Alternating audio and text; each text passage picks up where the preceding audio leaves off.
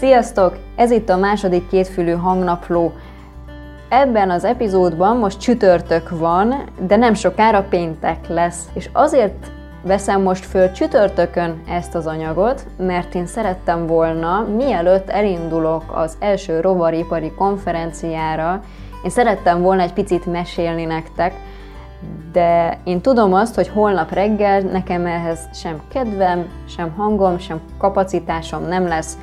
Éppen ezért úgy döntöttem, hogy ez most kerül felvételre ez a kis mese. De ha már eljutottunk csütörtökig, akkor gyorsan nézzük meg, hogy mi történt eddig, mi mindennel foglalkoztam, mi az, amit sikerült tényleg tető alá hozni. Ugye azt mondtam, hogy ezt az egy hónapot én szeretném uh, minél tartalmasabban megtölteni, és akkor meglátjuk, hogy mivé tudja kinőni magát, hogyha elég nagyra, akkor, akkor talán tovább is tud hízni ez az egy hónap.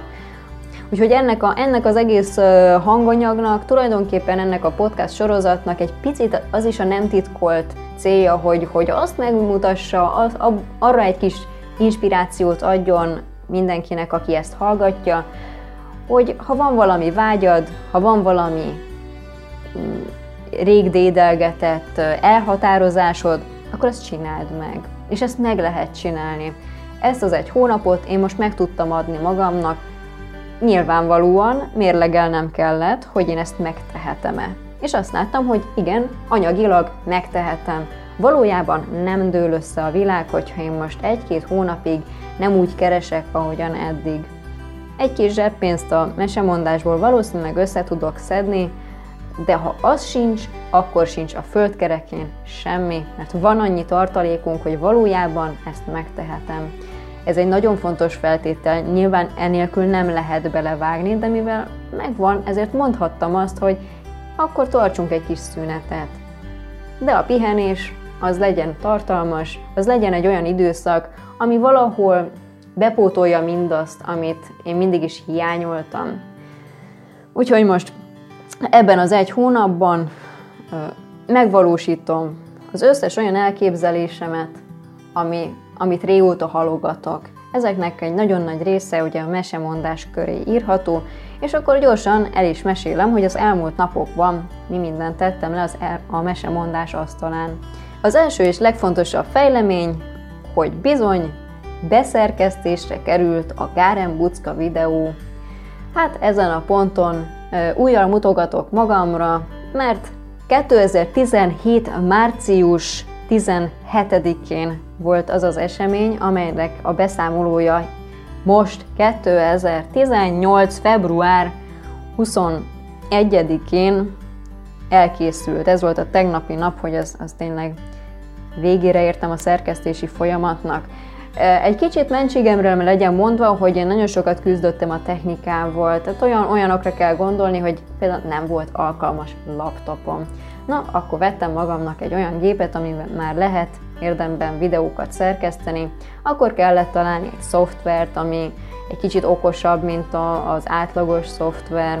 Meg kellett oldani, hogy valahogy nem, nem vette be a, a felvételeket ez a szoftver, de mivel nagyon-nagyon tetszett, hogy ahogyan ez a szoftver egyébként a videókat kezeli, ahogyan megfogja ezt az egész videószerkesztés folyamatát, az egész mögöttes filozófiája nekem nagyon tetszik, ezért én azon, azzal töltöttem egy csomó időt, hogy hát ezt, ezt akkor meg kell oldani, hogy igenis olvassa be az én felvételeimet. És akkor ezen fölül meg kellett talán, tanulni, használni ezt a szoftvert. Egy szó mint száz, rengeteg időm elmond, elment a technikával, mostanra jutottam el odáig, hogy elkészült a videó, de hát ha már elkészült, most már ki fogom tenni. Ezt egyébként nem most teszem még ki, egy picit várok, egy picit késleltettem a dolgot, ugyanis ugye az elmúlt napok azok lényegében a tökhintó meseestről szóltak. Ugye tegnap, azaz szerdán ismét volt tökhintó. Ez az a felnőtt meseest rendezvény sorozat, amit a, a közelünkben lévő Szabó Ervin könyvtárban az Ülői út 255 alatt szokott megrendezésre kerülni. Hát most egy kicsit kevesebben voltunk, mert a takony tündér közbe szólt, és nagyon sokat visszamondták. Az előadók közül is ugye Júliát elragadta a tarokkaparó manó, úgyhogy hát ilyenekkel küzdöttünk. De Az a néhány ember, aki viszont eljött, ők nagyon jól szórakoztak, nagyon jól érezték magukat, ezt általában menet közben lehet látni, hogy alszik vagy csillag, csillog a szeme, és mi az utóbbit láttuk, úgyhogy ennek nagyon-nagyon örültünk, és mi, mi, magunk is nagyon jól éreztük magunkat közben. Úgyhogy tökintó lesz még, csak ugye az viszonylag ritkásan szokott lenni. Hát én azt remélem, hogy azért tavasszal, tavasszal fogok én még kihirdetni tökhintót. A harmadik mesemondáshoz köthető téma pedig, ami az elmúlt napokat meghatározta, és az elkövetkezendő hónapot is tulajdonképpen meg fogja határozni, az Thomas A. Edison. Akik az Instagramon követnek, ők már láthatták azt, hogy én ott, ott, ott elhintettem ezt a kis információt, hogy Tesla mellé társat találtam.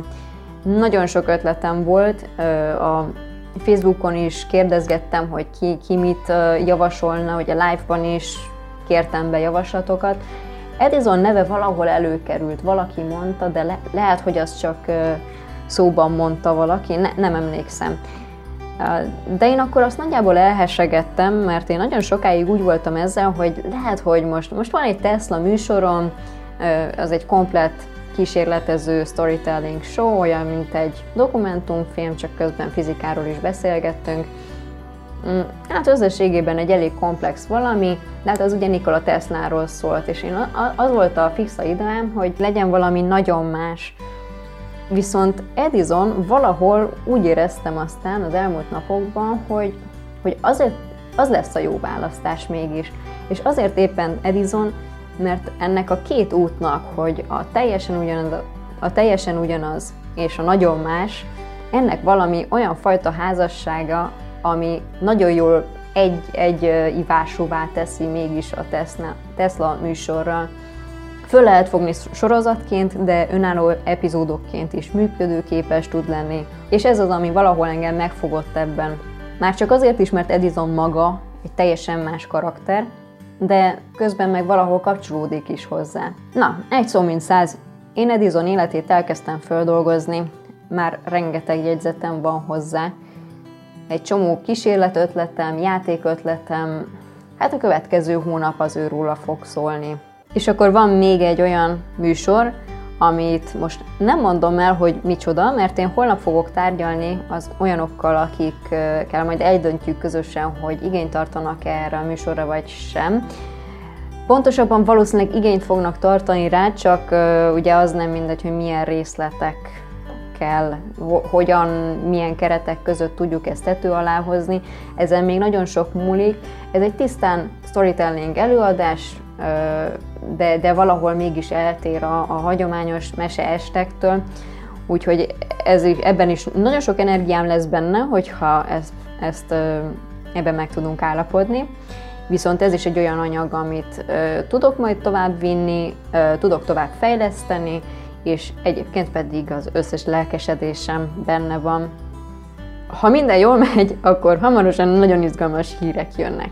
Na, és akkor most térjünk rá arra, amiért tulajdonképpen ma ezt a felvételt elkezdtem csinálni. Azt tudjátok már, mert az előző adásban mondtam, hogy én holnap, azaz pénteken el fogok látogatni az első rovaripari konferenciára. Nagyon aranyosak, mert elküldték, hogy egy ilyen Google formot, hogy töltsem ki, hogy mit írjanak a badge-re.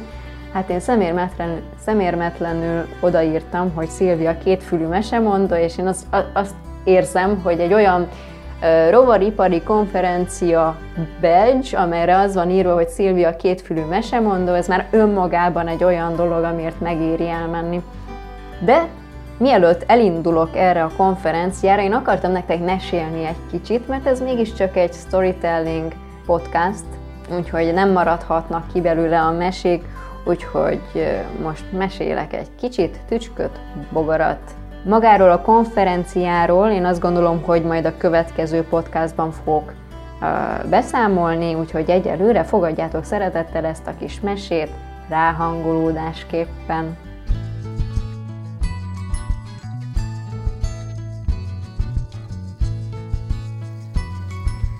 Be kell vallanom, őszintén már fogalmam sincs, hogy hol találtam ezt a történetet.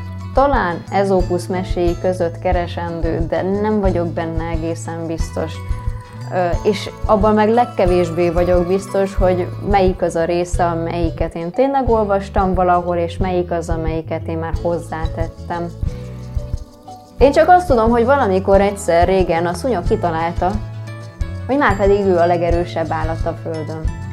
Mit a Földön? Az egész világon, és azon túl is.